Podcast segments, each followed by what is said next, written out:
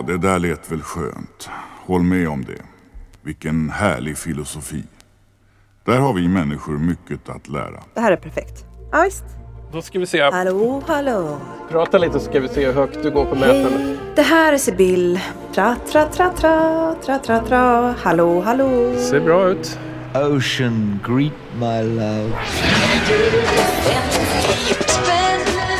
Ja, DJ 50 spänn är det här. En liten independent hittepå radiostation i hjärtat av Hägersten. Där all musik som spelas är uppfiskad på loppis eller möjligtvis i skivbörsens reavdelning. 10 kronors vinyl gott folk. 10 kronors vinyl är bränslet som håller oss snurrande och som får oss att prata. En loppisplatta landar på skivtallriken och den styr oss in på... Ja, jag vet inte, vad ska vi prata om Sibyl? Nej, men jag tror att det kommer bli lite så här äh, exotifiering av Frankrike. Okej? Så där tänker jag att där kommer du och jag ha mycket att säga till varandra. Ja, det, så, det, så kan det vara. Och eh, nej, men lite Kristus. Mm. Och eh, det, jag skulle säga att den röda tråden konstigt nog kommer vara liksom barnsång. det vilket inte var liksom Ja. meningen. Det, det är en härlig genre att gräva i för att Ja. det finns mycket konstigt Ja, ja. som har liksom sålts till barn. Ja, men både sålts till barn men också som har sålts till vuxna men med barn. Ja, Liksom, det är någonting med en barnröst, en sjungande barnröst. ja det är rent. Mm. Eller man vill gärna att det Man ska vara vill rent. gärna det, liksom. Jag vet inte hur rent det blir. Nej men nej, precis. Så här, innan vi gasar på här Sibyl, Ja, jag tänker att det- för, för, lyssnarnas skull, lite Ja. kontext om dig. Ja. Eh, om man nu till äventyrs inte. Mm. vet någonting om Sibyl Attar. Du, du är just nu aktuell med albumet A History of Silence. Svinbra. Vi kommer nog prata en hel del om det och också om varför du är airbrushad som en regnbågig träningsoverallsvilde på omslaget. Men om vi går tillbaks till tidigare så, så du, du har varit med i musiksvängen rätt så länge nu. Jag vet att första gången jag hörde talas om dig, då var du med i ett band som hette The Tourettes. Ja precis. Eller hette ni bara Tourettes? Vi hette The Tourettes men sen Ja. gjorde vi merch en gång och då stod det bara Tourettes på och det var snygg merch så vi Ja. bara äh, vi låter den Ni, ni lät ascoolt. Jag har någon bränd CDR hemma fortfarande och det är jag glad för för nu försökte jag hitta tillbaks så här, digitala spår. Det finns ingenstans. Nej. Försvunnet från internet. Vi var ju bara, så här? otroligt indie också. För att jag, vi var ju lite, eller, jag ska inte ta det från andra, men jag var i alla fall lite så här småalkad vid den tiden. Så att jag, vi- jag satt ju på Lava, Kulturhuset i Stockholm, Mhm. och gjorde alla demos liksom på CDR själv, klippte ut, Ja. eh, printade, liksom Xerox-kopierade. Men sen gjorde vi också, av våra, jag och Mira tog våra gamla trosor och gjorde så här trosmerch som vi sålde på Debaser-slussen för att kunna köpa öl. Vi var liksom, och jag var portad från Debaser-slussen också jättelänge för jag hade tagit med mig en Posca-penna och skrivit ett Tourettes i alla kakaplattor på en hel toalett. Alltså jag var både liksom lite alkad, lite så här manisk i, alltså Mhm. väldigt liksom målinriktad. Ja, Ehm, det är jävligt indie det här. ja. alltså det är så indie så att det gör ont. Ja, nej men visst. Det, var, och det gjorde ju ont att vara så Ja. indie va? För att det, Precis, det ja. slutar ju inte Ja. bra. Nej men precis. Du har ju varit med i, i andra band. Alltså eh, Ingenting, Speed Market Avenue. Ett tag så hette men- du Little Red Corvette. Ja, men nu ska du- jag klargöra koncepten. Ja, men precis. Nu ska jag klargöra Det är koncepten lite här. suddigt här. Ja, men, och det är inte så konstigt för det är ju ett tag sedan. Tourettes, började ju, Tourettes första spelning var ju 1998. Mm. Och det var på nu nedlagda eh, Boulevardteatern på Götgatan i Stockholm. Jag spelade huvudlös bas och vi gjorde covers. Eh, Psycho Killer vet jag att vi spelade och eh, en Television-låt. Mm. Men The Tourettes var ju ett band som jag var med i som medlem och jag var ju delaktig i att skriva och sånt. Sen så sjöng jag ju, notera skillnaden, Ja. i ett band som heter Speed Market Avenue Mm. i några år. Men där hade jag ingen som helst eh, konstnärlig delaktighet överhuvudtaget. Jag knappt delaktighet hur jag skulle sjunga. Okej. Så där var jag bara ett instrument. Ja. Eh, så, och så att musiken, musika, ja, det var en låt fick jag skriva text på. Mhm. Och sen så var jag ju också sångerska i ingenting. Där hade jag inte heller någon konstnär. Var det ett instrument där också? eh, där hade jag större friheter. Ja. Eh, det var en annorlunda miljö. Okej. Men eh, så att jag, jag skulle säga att jag har varit med i The Tourettes. Sen har jag varit sångerska i två andra band. Ah. Och sen under den här tiden har jag också sjungit eh, lite olika, gästat lite ditten och datten ställen. Och Little Red Corvette är ju starten till där vi är idag. Mm. För det var ju mitt eh, experiment, eh, experimentutrymme. Mm. Det började som typ technolåtar.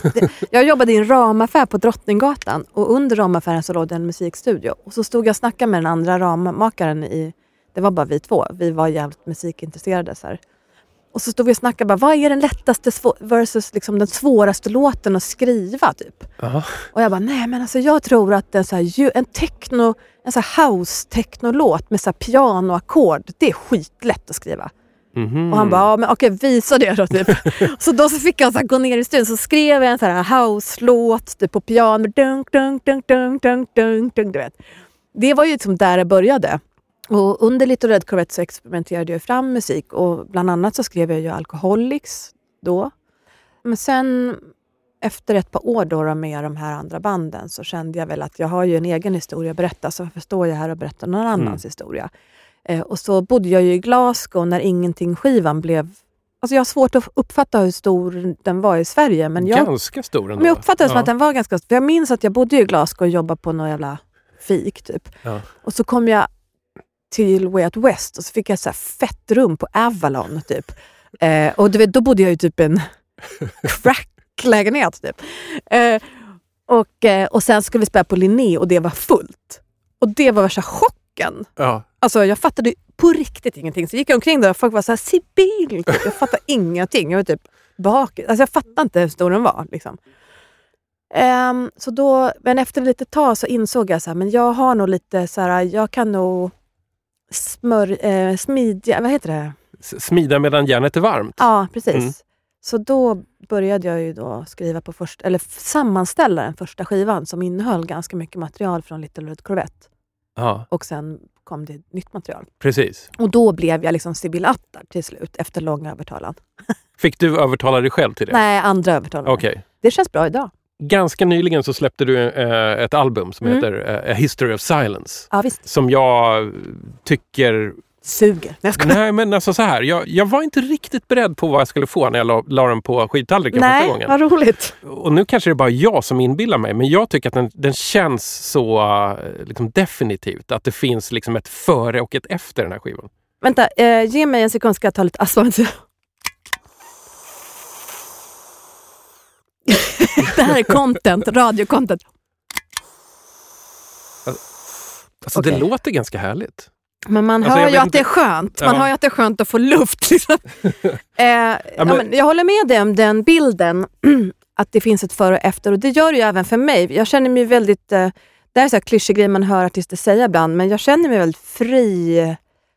Eh, jo, alltså vad ska man säga? Fri. Det har varit frigörande att göra den här skivan Mm. och att släppa den. För första gången liksom, i en ganska lång karriär ändå har jag ju, känner jag att jag, varenda beståndsdel av det här projektet kan jag stå för.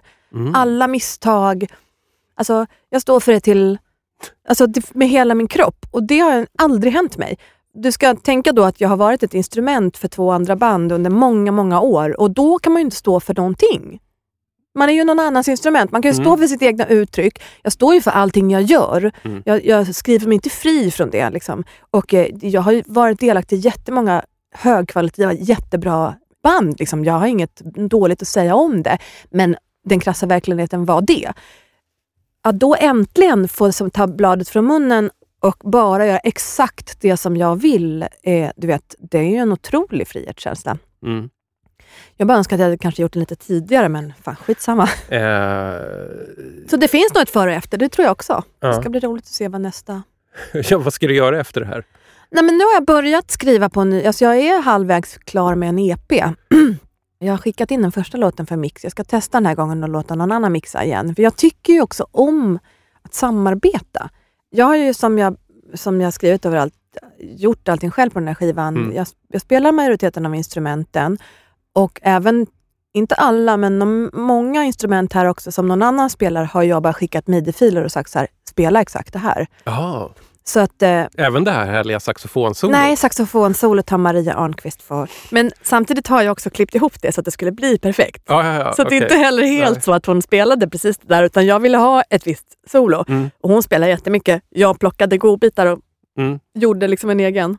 Så att eh, det är väldigt få som medverkar på skivan som hade hört den innan. Du pusslade ihop allting till... Jag bestämde väldigt mycket helt enkelt.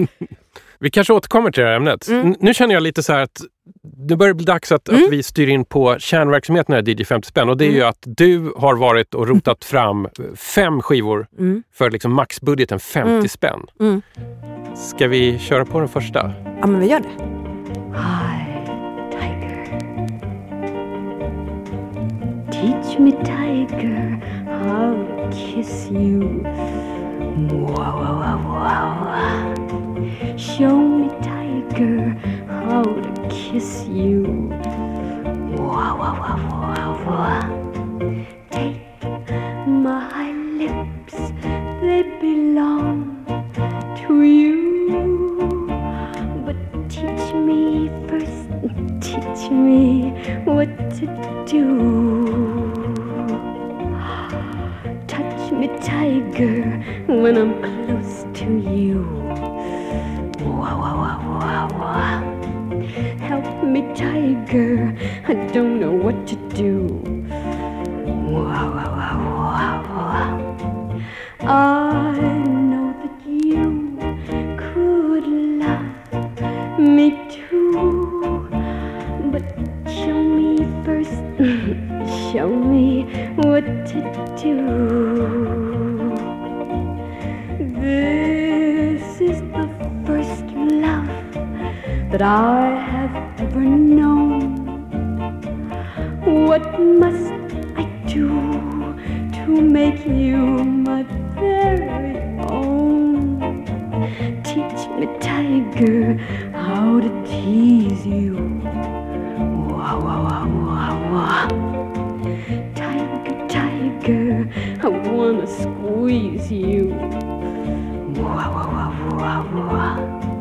All of my love I will give to you. But teach me, tiger, or I'll teach you.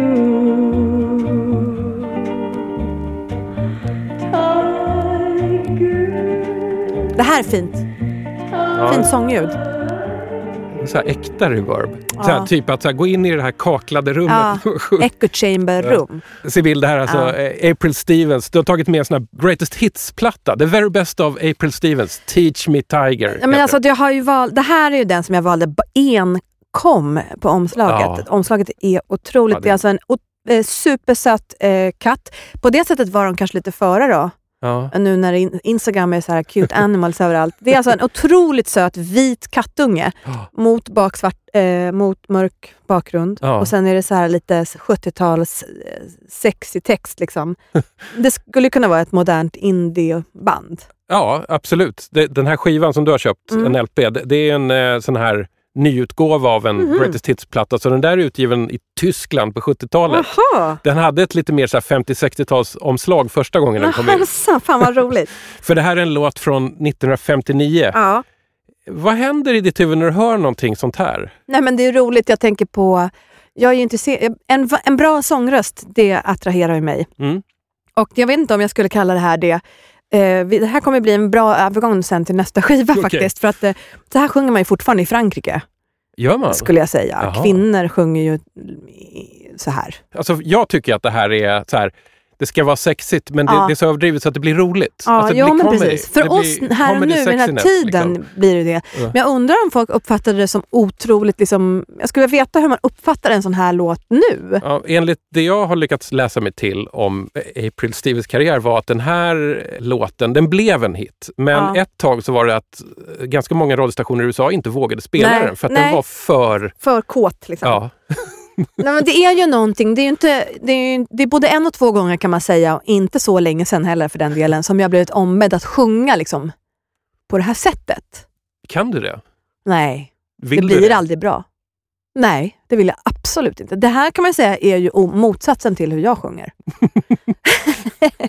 Nej men jag har inget egentligen super... Det här är ju ett, ett så sign of the times. Det var väl så här också. Det blir ju också extra då som du berättade under låtens gång. Nu upprepar jag det. Det blir Ja, som ja. att jag snor ditt ämne. Men Ja, men det är lugnt. Det är alltså då hennes brorsa som har skrivit texten. Det blir så äckligt. Vad, vad hette han nu? Han hette Nino någonting. Nina Tempo. Så är det Nina Tempo? Mm. Okej, för att jag, läs, jag läste på här och då visade det sig att April Stevens jobbade väldigt mycket ihop med sin brorsa som hette Nino. Jaha, Men han kanske kallar sig för han Nina kanske har en... Ja, men precis. Vem vet? Och, Nej, men- och eh, mycket av det som hon gjorde som blev hits har ju de gjort ihop. Ja. Liksom. Och han var ganska anlitad som så här studiomusiker till Mhm. exempel. Mm. Vad var hans huvudinstrument? Vet du det? Det vet jag däremot inte. Nej. Men man kanske kan kolla på en gammal, nu går vi in på det här sexiga, han syns i en Jane Mansfield-film det som sant? heter The Girl Can't Help It. Ja, jag vet Då spelar han i ett rockband. Nej, Man får kolla där vad det är för det instrument får vi ju kolla upp och lägga upp på någon Instagram eller något skit. Ja, nej, men så jag har inte så jättemycket att säga om det. Mm. Jag blev li- ja, men jag ska vara helt ärlig, jag hade Mm. hoppats på att det skulle vara lite bättre med tanke på det otroliga omslaget. Men det här kommer, jag kommer inte att lyssna på den här skivan igen tror jag. Nej, det tror jag inte. Jag tror att April Stevens har bättre låtar än så här. Mm, säkert. För att vi bara, när vi skippade fram på skivan Mm, här så mm. var första spåret som heter Oh, vad heter den nu då? Do it again? Ja, den började med, med någon så här otroligt eh, så här fin instrumentering. Ja, så här, det, det lät som en dröm. Nej, men visst, nu tog vi den här låten för den är ju Ja. titelspåret men Mm. sen också den, den blir ju ganska representativ för den här typen av musik. Ja. Men kan vi inte gå vidare då till franska skivan? För att eh, jag har ju en skiva till här då som det är Anita Lindblom sjunger Edith Piaf. Och Ja. eh, jag har ju en del att säga om liksom eh, världens exotifiering av Frankrike. Sitt här hos mig, milord Här vid mitt bord, milord Ute är kallt Men här hos mig är varmt och skönt. Strunta i allt, milord Och koppla av med mig. Lätta ert hjärta nu. Berätta allt för mig. Jag känner er, milord Mig har ni aldrig känt. Jag är er skugga. Därför vet jag vad som hänt.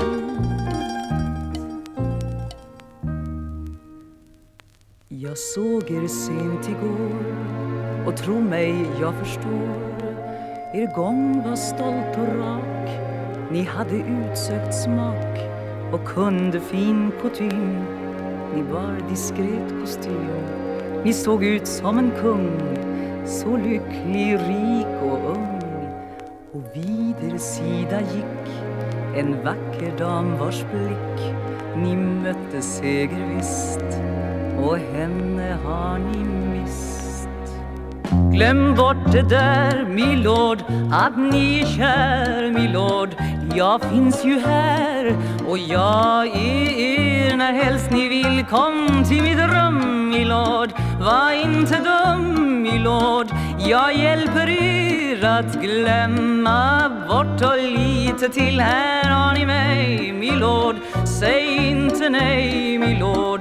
Ert hjärta gråter, men det står ju inte still. Ja, kärlek är ibland ett skepp som styr från land. Den rinner ut i sand och ni står kvar på strand.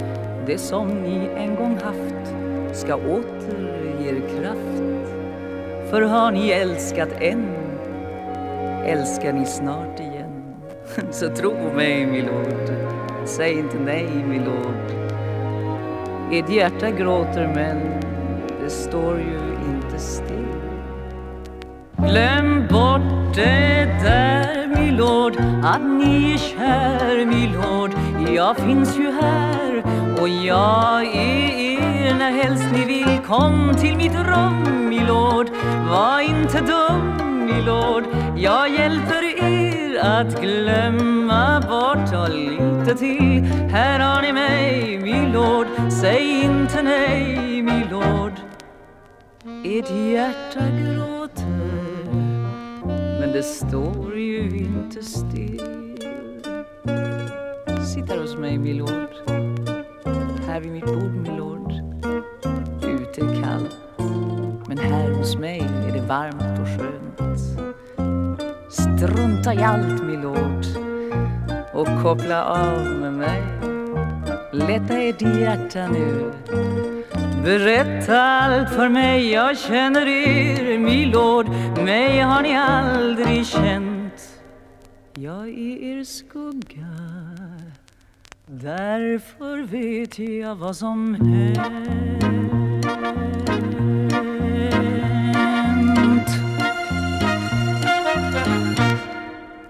Ah. Okej, okay, såklart. Anita Lindblom. Ja. från skivan Anita Lindblom sjunger Edith Piaf 1973 och det här är Ja. Milord. ja, visst. Fan vad bra det låter när hon sjunger. Ja, hon sjunger Alltid. otroligt bra. Men här tycker jag att de sjunger för mycket, kopierar Piaf. Jag hade Mm. velat höra henne sjunga med sin egna röst lite mer. Ja. Men Hon, har väl kan- inte så där mycket reve, eller vad heter det, vibrato egentligen, till exempel. Nej, jag vet inte. Ja, kanske- Cigarett! Nej. Hon har ju inte det där äh, vibratot. Eller hon behöver inte det. Nej, Tycker jag framförallt. Och det här var lite det jag tänkte att vi skulle prata om när Mm. det gäller detta. För att jag älskar ju Piaf. Mm. Eh, för de som inte vet så är jag då halvsvensk, till fjärdedels alger och till fjärdedels fransk. Mm. Attar är ett algeriskt efternamn, men eh, min franska släkt, ja, min pappa är uppvuxen i Paris. Ja, det, Ja. Så att det är i Frankrike jag Mm. har spenderat tid och det är inte så många som pratar om den algeriska bakgrunden. För min farfar som var från Algeriet, han dog när jag var liten. Och, ja, Mhm. Frankrike har varit det liksom. Ja. Eh, och det kan man ju också prata om på ett sätt, men det gör vi inte nu. Nej. Men, Men- eh, då men- tycker jag då att jag stör mig ofta på folks jävla exotifiering av både Piaf Mm. och Frankrike. Ja. Och jag, retade, jag var besviken när jag hörde det här, för jag älskar Anita Lindblom. Så, Men- ja. men jag tycker att det skulle varit roligare att höra henne tolka det med sin egna tolkning än att Mm. bara göra typ en coverskiva på, på Piaf. Men jag har en tanke om det. Och jag tänker att på den här tiden, då, det var ju så här man introducerade till exempel Piaf. Eh, Det, var, det är ju vanligt att eh, välkända skivor gjordes om i respektive europeiska länder. Det finns italienska ABBA-skivor typ. Och så ja, ja, men precis. Man översatte. Det var så här man Ja. gjorde också för att, det var, antar att det också var så här man blev stor som artist. Alltså att eh, de lokala förmågorna liksom gjorde skivor med ens skivor. Ja. Så jag tänker också att det är svårt att, att, att vara så där hård som jag skulle vilja vara. För att jag skulle vilja höra Ja. Anita Lindblom göra sin egna riktiga tolkning. Men det fanns väl inte utrymme för det då kanske? Så kan det nog vara. Eh, och jag, jag har också någon gång förstått eh, det så att det fanns pengar att göra på att översätta utländska låtar. Aha. Att den som gjorde översättningen av en sångtext fick en liten del av royaltyn. Ah, det får man inte sant? längre, Nej. men då fick man det. Den här kollade jag faktiskt vem som hade översatt Ja. och då är det en, en sån här favorit i skivbacken som översatt den här från franska till svenska. Hå- Håki Franzén. Jaha! Ingen som pratar om honom nu för tiden, Nej. men han var en sån här skön eh, människa som kunde gå eh, han kunde gå helt sömlöst mellan progg och schlagerbranschen Jaha. och, och skriva Ja, texter. så det måste ju vara otroligt ovanligt Ja. på den tiden också. Men alltså, den här exotifieringen av Frankrike och sådär, har, har, den drabbat dig någon gång? Nej, såklart inte. Alltså, jag menar, inte på det sättet. Ja, eller jag menar, jo, jag skulle kunna säga att den drabbade mig lite när jag var med På spåret. För det tycker jag var ett ganska bra exempel. Av de två låtarna jag gjorde så var ju folk mera prone att liksom dela padam. Jag, jag sjunger padam. Och jag gjorde inte en så jättebra tolkning, helt ärligt. Okej. Nej, men jag kämpade Ja. på så gott jag kunde, men vem fan, jag kan inte sjunga som Edith Piaf. Jag har ingen ambition. Mm. Och eh, det var lite tid och bandet var ju otroligt bra och allting, men jag tycker inte att den versionen blev så bra, även fast alla gjorde sitt bästa, eller man ska säga, inklusive jag själv. Mm. Eh, Medan den andra tycker jag blev, liksom kvali- alltså, när det gäller musikalisk kvalitet, var den bättre. Men jag förstår för alla svenskar liksom, att, eh, att det är typ coolt att säga, åh hon kan prata franska typ. Mm. Jag vet inte, men vi alla vet ju att det finns en fransk exotifiering. Ja. Och den är, den är inte, jag tycker inte, det har inte drabbat mig. Det är inte rasism. Liksom, det går inte att prata om det på det sättet. Frankrike är ju ett otroligt kolonial liksom, härskarland. Så att, liksom, och jag är ju Ja. en, en så här, kulturklass eh, vit eh, tjej. Liksom. Så att, inte på det sättet, men jag, jag, jag tycker det är problematiskt att typ prata om Folk tycker att det är sjukt intressant Mm. och sättet som folk förhåller sig till Frankrike, jag, jag får kräk. Men här i Sverige så ser vi väl för det mesta upp till Frankrike. Ja, varför då? Eh, Vi, På vi- många sätt ett jävla Nej, skitland vi- som vi så här, tyck- hatar ja. kvinnor, eh, liksom agar sina barn, typ vägrar eh, sluta äta kött. Men absolut, det, det är ju, samtidigt så jag har ju rå mycket dåligt att säga om svenskar. Eller förstår du? mig? Alltså jag tycker där, det finns ju massa Ja. grejer. När jag kommer till Frankrike, då känner jag mig så fort jag sätter min fot, i, kanske på så här Charles de Gaulle eller någon av de här flygplatserna, liksom, eller tågstation eller vad det kan vara. Då känner jag mig direkt bara, fy fan vad jag är hemma. Det är så jävla skönt. Alla låter rå mycket. Jag smälter ju in mycket bättre. Jag vet att jag stick, sticker ut, i, alltså som vi pratade om förut, att vara sval och stringent. Du får Ja. ju knappt en tydlig väder, du märker ju. Men eh, sen tio minuter senare när man är på typ ett café och blir så sexuellt trakasserad av någon gubbe. Och Då är det typ- inte lika mysigt då längre. känner man att, eh, nej. Nej. Och eh, många liksom, svenskar som jag känner som älskar Frankrike som så åker dit och liksom, ja, bott, bott i Paris. Typ. Ja, det är klart att det är soft i Paris. Mm. Men du vet, åk till eh, en förstad till Toulouse. Mm. Eller jag vet Toulouse kanske inte var något bra exempel, men min släkt, hela min släkt har flyttat till Toulouse. Mm. Men Nå- jag älskar Frankrike, obs! Men jag hatar den här oproblematiska bilden av det Mm. landet. Men liksom. jag, jag tänker att i Sverige som ett litet land som ligger vid polcirkeln någonstans och är vana och har varit långt från alla. Vi, vi ser ju upp till väldigt många. Vi ser upp till USA, vi ser upp till Ja, till, samtidigt till som att man inte England erkänner det för att man är så jävla liksom, Nej. ängslig. Men nu slog det mig nu att Anita Lindblom kanske var en av de här som exotifierade Frankrike och såg upp väldigt mycket till det. För att hon, hon är ju en av de här som inte bara hotade att hon skulle lämna fucking jävla jante Sverige och med sitt stringenta skatteverk. Jaha. Hon drog ju till Frankrike. Jaha, det visste inte jag. Sista delen av sitt liv, eh, ganska lång period, bodde Mm. hon ju på Rivieran någonstans i någon Jaha. småstad. Eh, då och, och var väldigt så här, jag kommer aldrig tillbaks. Nej. Det, var, det visste man ju, Nej. att hon kommer inte Nej. tillbaks. Nej, men om, att, om jag jämför då, det finns ju en annan eh, svensk fantastisk eh, artist som heter Barbro Hörberg. Mm. Det kom ut en bok om det för inte så länge sedan som Alexandra Sundqvist, Sundqvist skrev. Eh, och jag var faktiskt med på en turné med den eh, boken tillsammans med Matti Alkberg och Frida Hyvönen bland annat Mm. och sjöng lite Barbro Hörberg-låtar. Och hon har ju gjort ett, lite chansons. Liksom. Och då har det varit, men då har ju hon valt liksom en roligare, då har det varit Barbara som eh, var en jätteintressant, eh, kolla upp henne för hon har ju delvis släppt otroligt bra musik. För Edith Piaf har ju släppt otroligt mycket bra musik men det är ju lite tjatigt. Mm. Nu har vi hört Edith Piaf ett par gånger väl, eller? Så då, om man är sugen på lite mer fransk chanson Ja. av Kvalle så kan man ju lyssna in Barbara. Men vi kommer aldrig komma undan Edith Piaf för att det, det är någonting med henne som är, jag tror att för många artister så, så blir det till slut så här, så, äh, fan ska jag inte göra en, en platta med egna tolkningar av Piaf-låtar? Det är lite som Sinatra liksom. Så att till slut så ska sen man hon, göra hon var den ju inte. Sinatra. Hon var ju liksom en person som hade ett liv på riktigt. Och det är det jag tror att jag... Ja. Det är där blir så... Eh, det bottnar inte i någonting då om en eh, medelklass... Alltså, det, för det som är eh, en av Edith Piafs absolut liksom största behållningar är ju att hon hade ett djup och en, en verklig historia. Hon hade ju på riktigt någonting att säga och hon kom ju på riktigt från gatan. Mm. Och det gör inte så många och nu gör ju ingen det. Nu är det ju bara hovet och typ eh, medelklass eh, vita killar som typ vinner priser och spöar varandra på galor. Typ. Men, eh, Är, är, är, är det där musiken är idag? ja, ja, men du, jag är så sur så att, och jag har lite PMS också så att det, det är som you got me in a great moment. Perfekt! Nej, okej förlåt jag ska inte hålla på och vara... Jag tycker att, ja, men jag tycker att det är ett skitdeppigt läge nu musikaliskt, både i Sverige men liksom, ja, Sverige är absolut helt katastrofalt tycker Mm. jag just nu. Musikaliskt, det är som, jag tycker det är som ett skämt. ja, men det får jag väl säga. Absolut! Vad hoppas du ska hända då? Men jag tänker nu när allting är så extremt neoliberalt i Ja, Sverige, mm. eh, då kommer ju konsten utarmas och det ser vi ju att den gör. Alltså kultur, kulturpolitiskt så är det ju katastrof. Och P3 har, delar ju säng med Sony och Universal, alltså Universal och liksom det kommer skapa, eh, eh, vad heter det, counter culture. Motkultur. Motkultur. Ja, jag har ibland också känt den här känslan, gått omkring och tänkt så här, fan det måste varit så här det kändes i mitten på 70-talet när, Mm. när allting var, bara var Bay City Rollers. Ja, liksom, när ja. allting var skittråkigt. Ni, jag låter kanske gnällig och sur och lite så här cynisk, men jag är inte det. Alltså jag bara, låt det falla. Låt det fucking brinna. Så kan vi komma ut på andra sidan så kanske det kommer något gulligt så här, litet punkband. Det kommer, det kommer. Ja, det kommer komma. Mm. Hörru, jag ser att du har lite Jesus-material här, äntligen. Ja, men precis. jag vill gärna höra Vi sätter oss i ringen, tack. Ska vi köra den? Alltså, jag skulle Ja. jättegärna vilja höra den. Okej.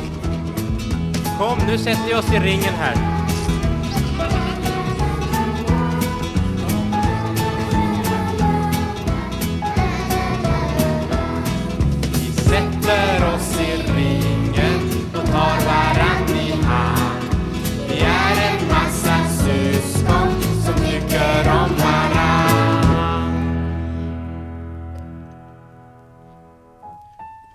Vi är en massa syskon sjöng vi om.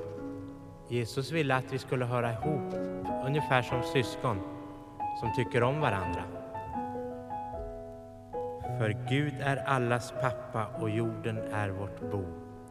För Gud är allas pappa och jorden är vårt bo. Och vi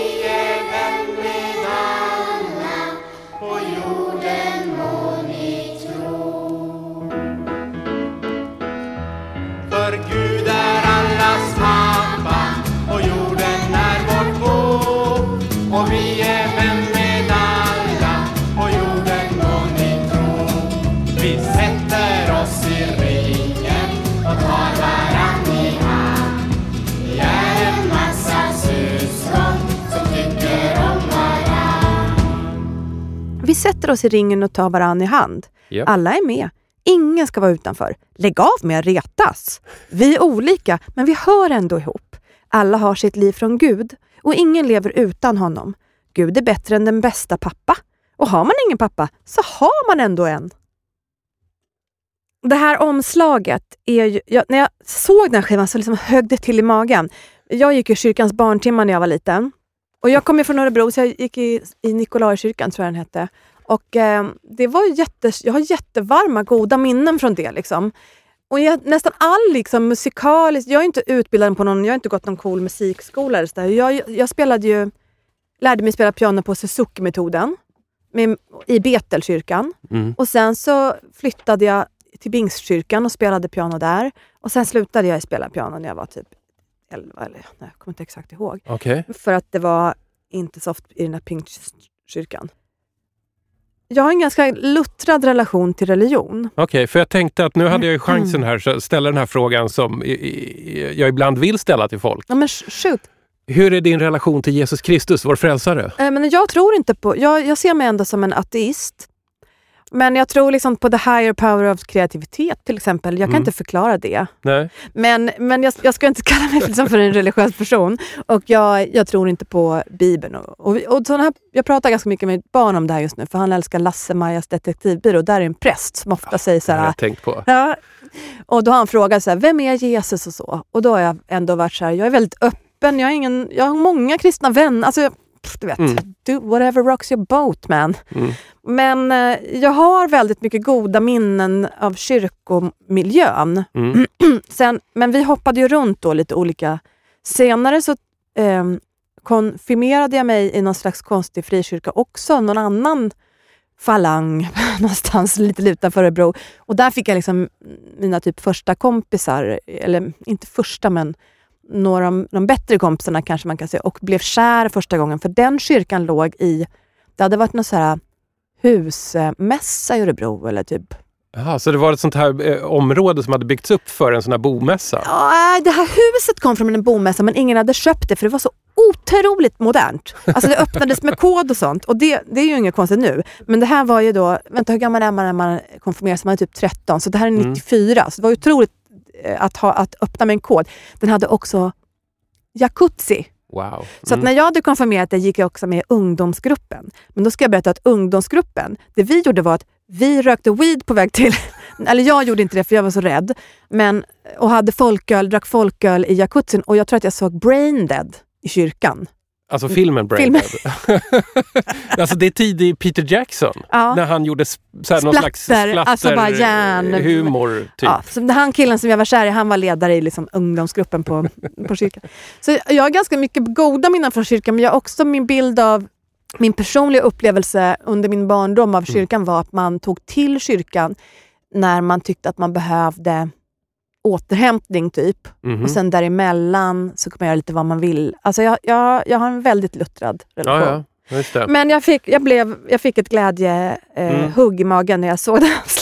Men alltså, jag kan säga en sak om det här omslaget. Lars-Åke Lundberg eh, och Barn från Vändelse kyrka Ja. heter den. Vi sätter oss i ringen och så är det liksom en lite så här, det är tecknat. Det barn. är Ilon Wikland som har... Ja, just det. Precis. Det det är som. Wikland-illustration. Ja. Men grejen är att väldigt många sådana som, som jag, sådana här skivgrävare som alltid är ute och letar efter liksom Ja. så här, man, man är alltid på jakt efter vissa skivor. Mm, Många av oss får hjärtklappning när vi bläddrar förbi den här i en back. Mm. För att omslaget är, är väldigt likt eh, omslaget på en amerikansk barnskiva med sinnessjuk fusion snedstreck funk där allting är distat som heter The Stark Reality Discovers Hoagie Carmichaels Music Shop. Som är den absolut sjukaste barnskivan som har gjorts.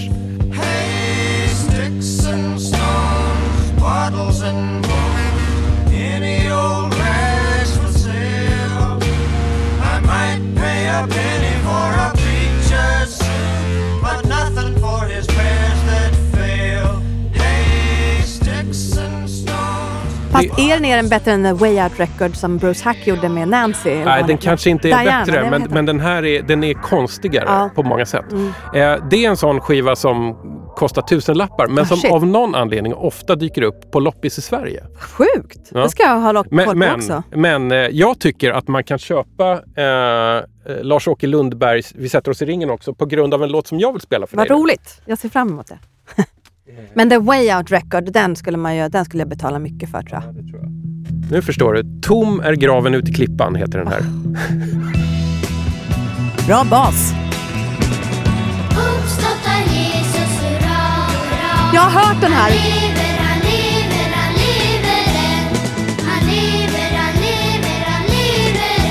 Fan vad mäktigt. Alltså det här är ju samplings... Det måste ju någon ha samplat. Tom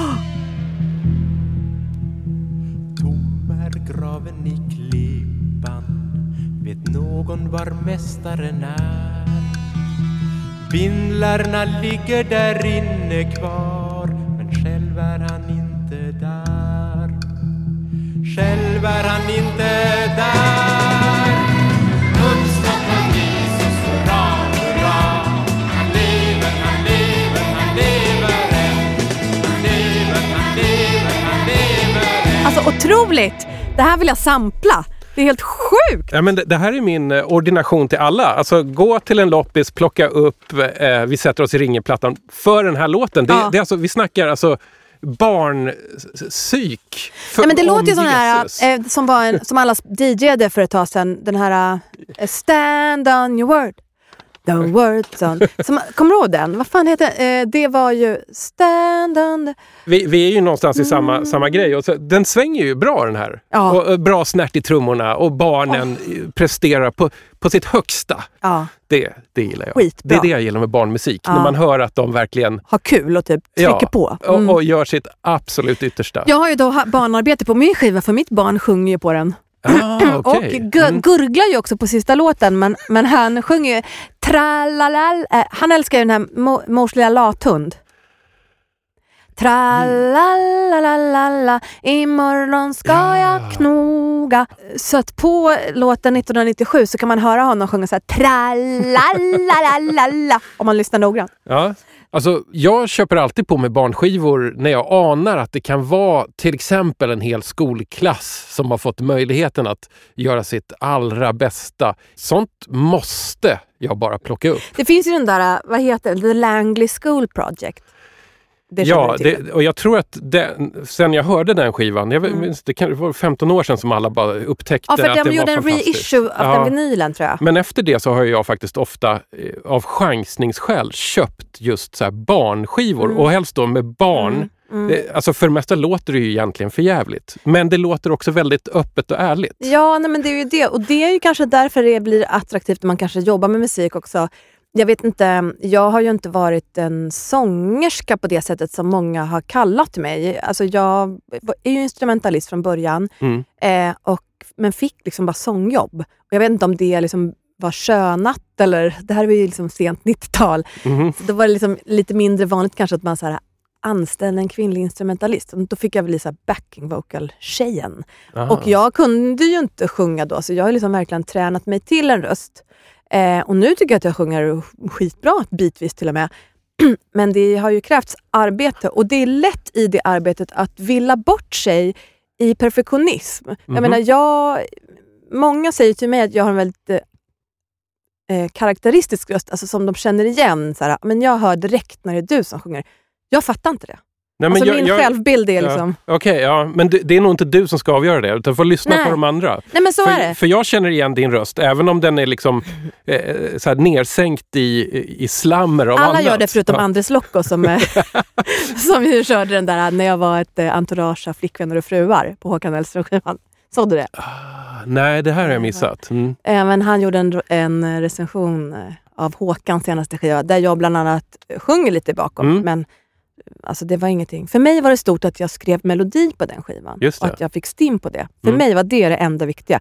Jag har sjungit på så jävla mycket skivor så det är skit och fullständigt. Och det gör inget för min karriär att liksom höras på en Håkan-skiva direkt. Om det inte är liksom en duett. Och det var det Nej. ju inte. Alltså det är några ställen där min röst är så friställd. Men, men då hade Andres Lokko liksom, for the sake of the beauty av en rolig recension, Mm. liksom, så här, Håkan backas upp av ett entourage av flickvänner och fruar.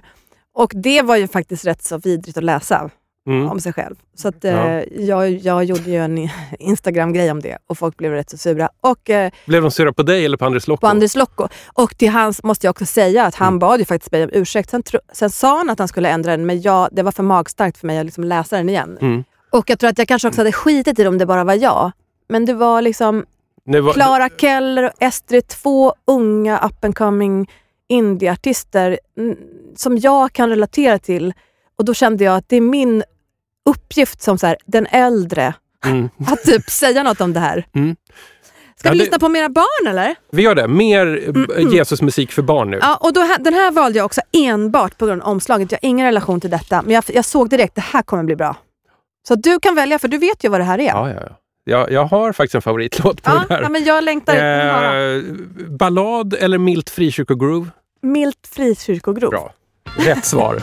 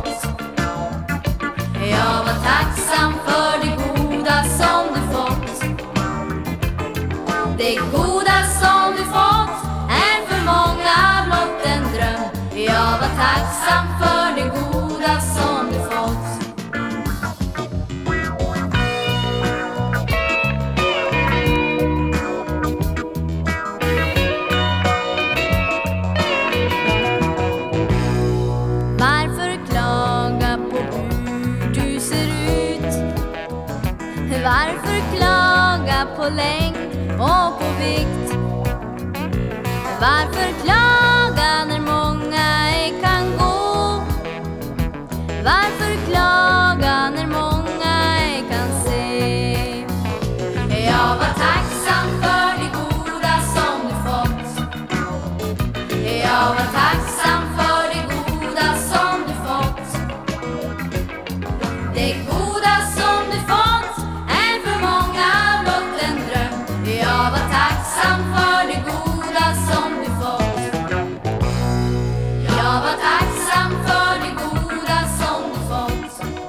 Nacka musikskola som sjunger riktigt bra, som också sjunger på den här Barbapapa-skivan bland annat ju. Ah, men de var proffsiga ungar. Ja, den var jag proffs. Jag, jag avar den här låten nu då. Vi hör alltså Charlotte med lillebror Per. Låten heter Varför klaga? och Den kommer från en LP som heter Hand i hand. Släppt 1976. Och ni kanske undrar, är det här kristet? Ja, det är det. Det är utgivet på Signatur som var missionsrörelsens eget skivbolag. Alltså jag har omedvetet valt två kristna skivor. Ja, eh, hur, hur, hur kunde det bli så? Nej, men det, det, är för gulliga omslag Ja. helt enkelt. Nej men alltså det här var ju ett otroligt gulligt omslag. Helt Ja. ärligt. Vad- vad- Jag vet inte vad jag på för, var på för humör när jag köpte, för det var, vi har ju försökt få till den här på Ja. internet ett par gånger. Men- de, jag köpte de här skivorna för ganska länge sedan. Ja, ja, ja. Så att du kan inte ens riktigt minnas vad Nej, som jag, gick genom ditt huvud då? jag åkte till Ropsten, Myrorna i Ropsten. Mm. Ja, Eh, klassisk mark. Klassisk mark ju. Mm. Och där finns ju svin, det är bra skivavdelning där ju. Den, den har gått lite upp och ner tycker jag. Ja, men okej, ja, jag För- att de städade bort alla skivor sen helt plötsligt. Eller så här, de min, minskade sin skivavdelning helt plötsligt Jaha. och då slutade jag gå dit. Jag ska faktiskt dit i helgen så att jag kan Ja. kolla, jag kan Ja. fota och rapportera. Kolla läget. Nej men så jag vet inte vad jag var i för mode Ja. liksom den dagen jag valde de här all, eh, skivorna. Ja. Jag tror jag bråkade med min kille. Alltså det var en konstig stämning så jag, Ja. jag gick på det gulliga. Alltså Charlotte, Charlotte Höglund som hon heter, hon är, jag vet inte hur gammal kan hon vara på det där omslaget? Jag skulle gissa på typ mellan 7 och 11. Någonstans där och det, man hör ju på rösten att det 8 och 11, vi ja. säger 10. Mm. Vet du någonting om Charlotte Höglund? Nej ingenting. Alltså, jag- Hon är... är numera, alltså nu är hon ju medelålder, 50 plus någonting. Ja. Hon är pastor i Immanuelskyrkan i Stockholm. Och om jag fattat det rätt så jobbar hon också som samtalsterapeut. Du ska shout out till Charlotte. Ja. Eh, Och brorsan och lillebrorsan Per är psykolog. Jag tror att han också är... är alltså, jag, jag vet inte om han jobbar i det kristna, men, Fan, vad men de har liksom funnits i den här kristna musikvärlden hela tiden. Ja. Eh, Charlotte var ju barnstjärna i den frikyrkliga skivindustrin på 70-talet. Och sen när 80-talet kom och hon blev vuxen så blev hon ju en vuxen artist. Alltså lite Carola-aktig sådär. Så Just det, det. finns en, en eh, Charlotte-skiva där ute som alltid finns i, i, i loppisbacken Mm. för 10 spänn. Mhm. Och den heter, vad fan är den heter nu? Fri, nej, Fri är den som kom 85. Hon gjorde en som bara heter Charlotte tror jag, Mm. från 82. Men Om man gillar liksom lite så här gospel-pop. Fast svenskt. Ja, Så fast att det liksom svenskt. är ganska men, men med ändå ett rimligt sväng. Köp den. Ja. Nu, jag, jag vet, så här, eh, Jesus pop, det är en acquired taste. Jag har gått ner med det träsket. Mm. Men Ja. alltså, jag respekterar det, man ska inte ha några gränser. Liksom. Varför ska man begränsa sig? Musik liksom. Mm. Men, och det sjuka är att den sista skivan innehåller också barnsång. Är det sant? Ja. Nej, men, och det här är vänta, ju... vänta, vänta. Nu, må, nu pausar vi här innan Ja. vi lägger på sista skivan. Ja, visst. Vad är det med dig och barnmusik, Sibyl? Nej men jag vet, jag älskar det. Jag bara älskar Nej, jag vet inte vad det är.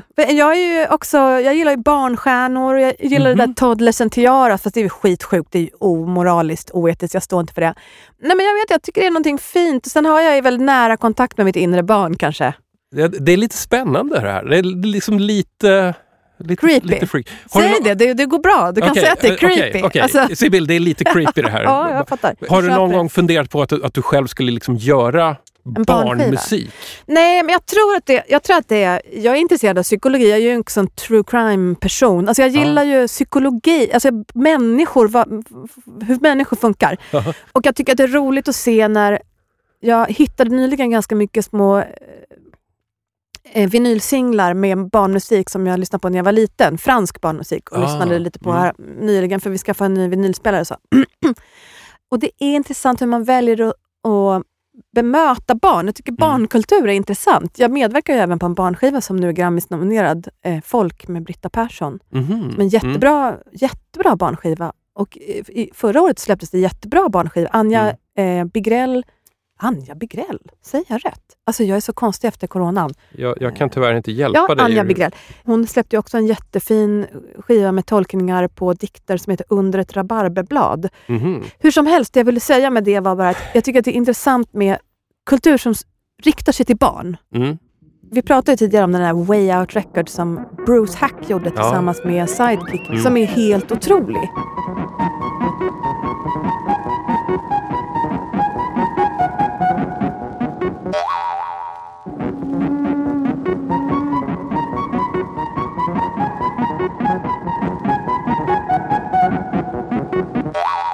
Men då nästa skiva då, det är Ja. ju då, och det här är ju en låt som jag tycker om otroligt mycket. Det är Carly Simon. Mm. Eh, det är också en Greatest Hits-skiva. eh, med live, Ja. alltså Greatest Hits live. Men jag valde den på grund av, på baksidan av den här skivan så är det en bild från en livespelning som hon har gjort. Eh, Jag är alldeles för slarvig så jag har inte liksom kollat upp när och var. Men då sjunger hon min favorit, en av mina favorit Carly Simon-låtar som heter Coming around again. Mm. Men hon har ju en mashup med Itsy Bitsy Spider. Och alltså Lite här, otippad mashup ändå. Alltså det, och den här är ju då, när man ser det här Youtube-klippet på den här spelningen, alltså när barnen kommer upp, solen går ner i bakgrunden, vinden blåser så lite milt i, i deras pastellfärgade 80-talskläder. De ser ju ut som liksom, det är ett skämt. Och sen kommer barnen upp och sjunger liksom It's a bit inspired. Alltså det är så, det är gråtläge. Jag vet att jag många gånger på efterfest suttit och Youtube-gråtit till den här. Alltså det är så fint. Så att varsågoda, det här är en hidden gem faktiskt.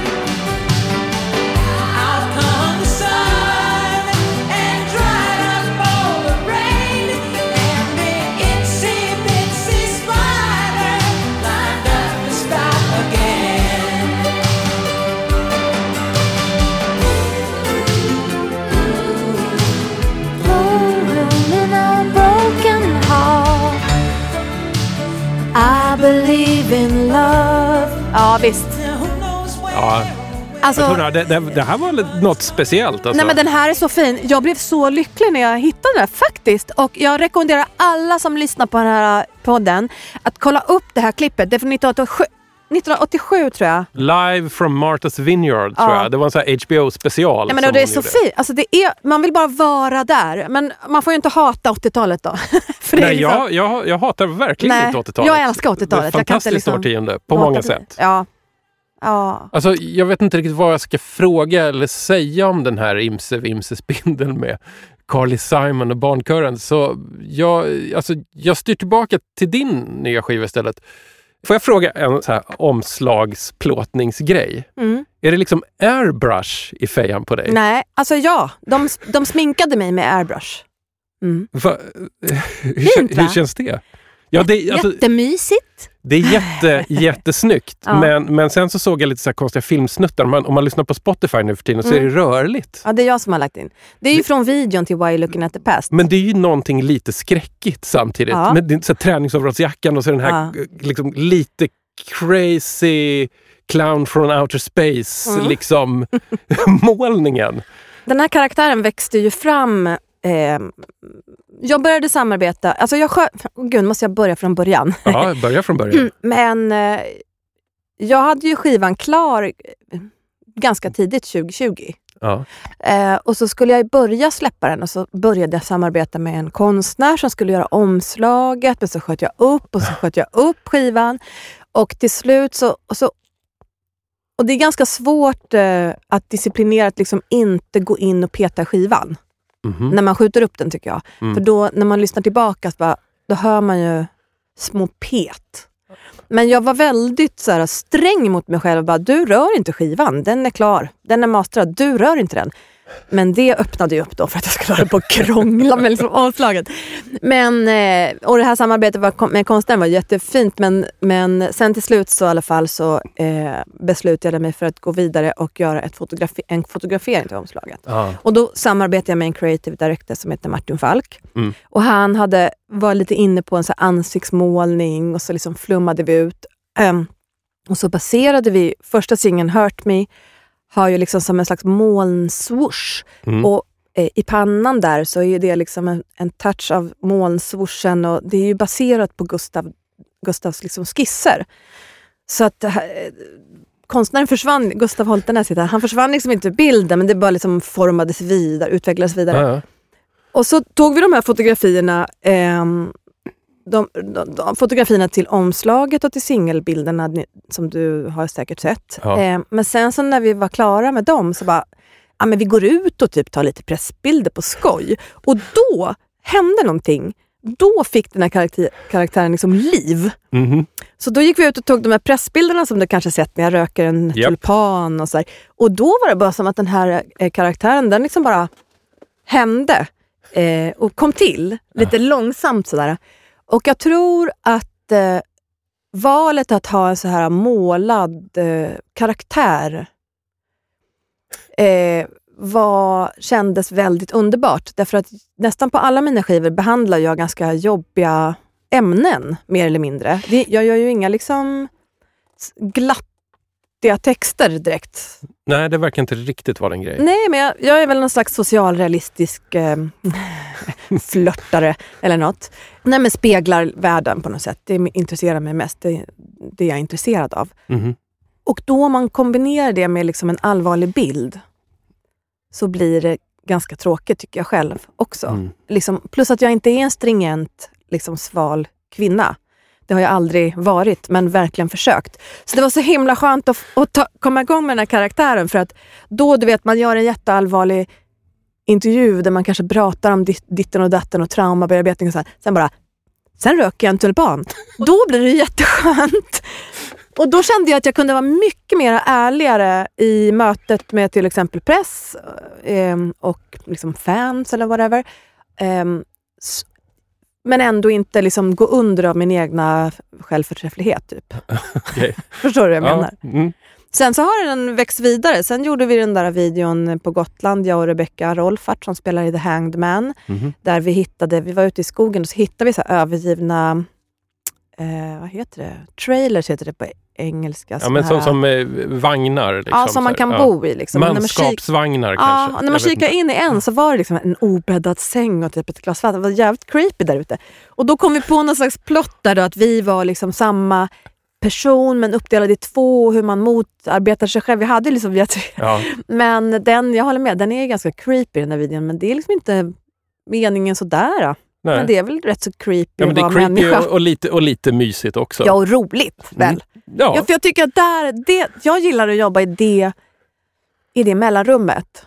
Mellan, för jag är sjukt pretentiös och otroligt ambitiös och liksom skitnödig skulle jag till och med säga, kvasi, liksom, i mitt arbete. Men som person så är jag inte det. Du och jag har ju ändå varit bekanta i många år. Du skulle inte tänka på mig som, en, som den beskrivningen tror jag. Nej, jag men- tror inte det. Men, liksom, Ja. nej, men för som person utåt så är jag inte det, men i mitt arbete är jag ju otroligt ambitiös. Ja. Och jag gillar det här mellanrummet i mitt yrke. Ja. Hörru, nu måste jag gå. Är det så? Jag jobbar ju nu på Dramaten med att skriva musik till en pjäs och nu, Fint ska det vara. ja visst, nu ska punkan in i finsalongerna eller, eller punkan. Eller. Ja. Men så att jag ska vara där om fyra minuter och nu är vi ändå i Hägersted. Holy shit. Ja. Det här kommer ju gå åt skogen. Nej men det är lugnt. Ja. En diva kan komma lite sent. Ja, det är att jag hann inte riktigt... Men- Jag, jag avslutar det på vanligt sätt. Jag brukar alltid spela lite tysk musik för att komma Aha, hit. fan förlåt. James Last. Men, men det tar vi någon annan gång. Ja, jag jag ska längtar- plåga dig någon annan gång. Alltså jag kommer gärna tillbaka. Det här är jättekul. Ja, välkommen. Du kanske inte har gäster två gånger men Jo, men jag har börjat med det. då är det här ett perfekt tillfälle Ja. att ta tillbaks mig. Och det här var kul. Jag vill köpa flera skivor. Jag, lo jag lovar. Nu, nu jävlar ska jag hitta så här, låten som du går ut i studion till. Okej. Då tar jag med lurarna här då.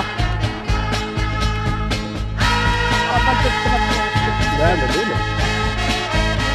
Vi hade med en minst. Jag måste bara kissa. Just det. Då behöver du korta distans. För att det ligger ute i korridoren. Men jag kan göra det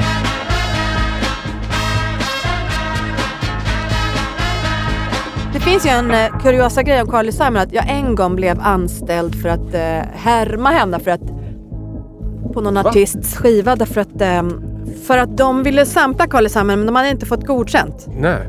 Men Och då gör ju folk så här ganska ofta att de bara sjunger in något som låter väldigt likt. K- Kan du sjunga som... Så att det låter Absolut inte, likt det gick ju skitdåligt. Men som tur var var det ett sånt där, ah, men nu är du ändå här kan du provas. Det var inte liksom betalt Nej, arbete nej, så att jag jag, bara, nej ja. men det här kommer Mm. inte gå, vi skiter i det. Typ. Jag tror, jag tror att jag, de ändå använder det för sen har jag fått så här sami, Ja, vad, Eller- vad är det för låt då? jag kommer inte ihåg, low, jag vet det är ingen jag känner utan det var så här när jag höll på att spela in Come Night i Ingrid-studion Ja, så jobbade jag med någon som jobbade med någon som bara behövde testa det snabbt. ja. Ja, så kan det gå. ja.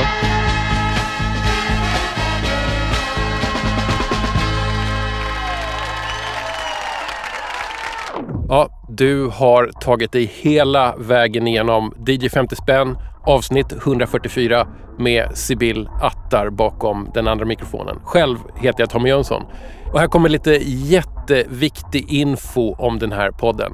DJ 50 spänn är en fristående, frifräsande, ideell musikpodcast som görs av mig, Tommy Jönsson, i samarbete med produktionsbolaget Rundfunk Media i Stockholm.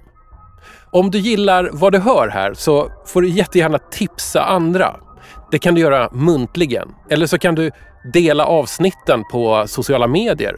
Eller så kan du skrika ut det från ett hustak, vad vet jag? Vi behöver sprida 10 kronors vinylens evangelium. Om eh, du vill säga någonting till mig eller fråga någonting eller bara tjoa i största allmänhet så kan du dra ett mejl till hej dj50spann.se Följ också DJ 50 spänn på sociala medier. Eh, jag finns på Instagram, jag finns på Twitter och jag finns på Facebook. Likea Facebook-sidan så får du liksom ständiga uppdateringar och gå gärna med i någon av de mängder av Facebookgrupper som jag skapat också. Det här var allt för den här gången. Tack för att du lyssnade. Månen lyser, havet är blått Stjärnor blänker Jag sitter och tänker att en hallonbåt och en kolaklubba i min hand vore gott, vore gott. Vore gott, vore gott.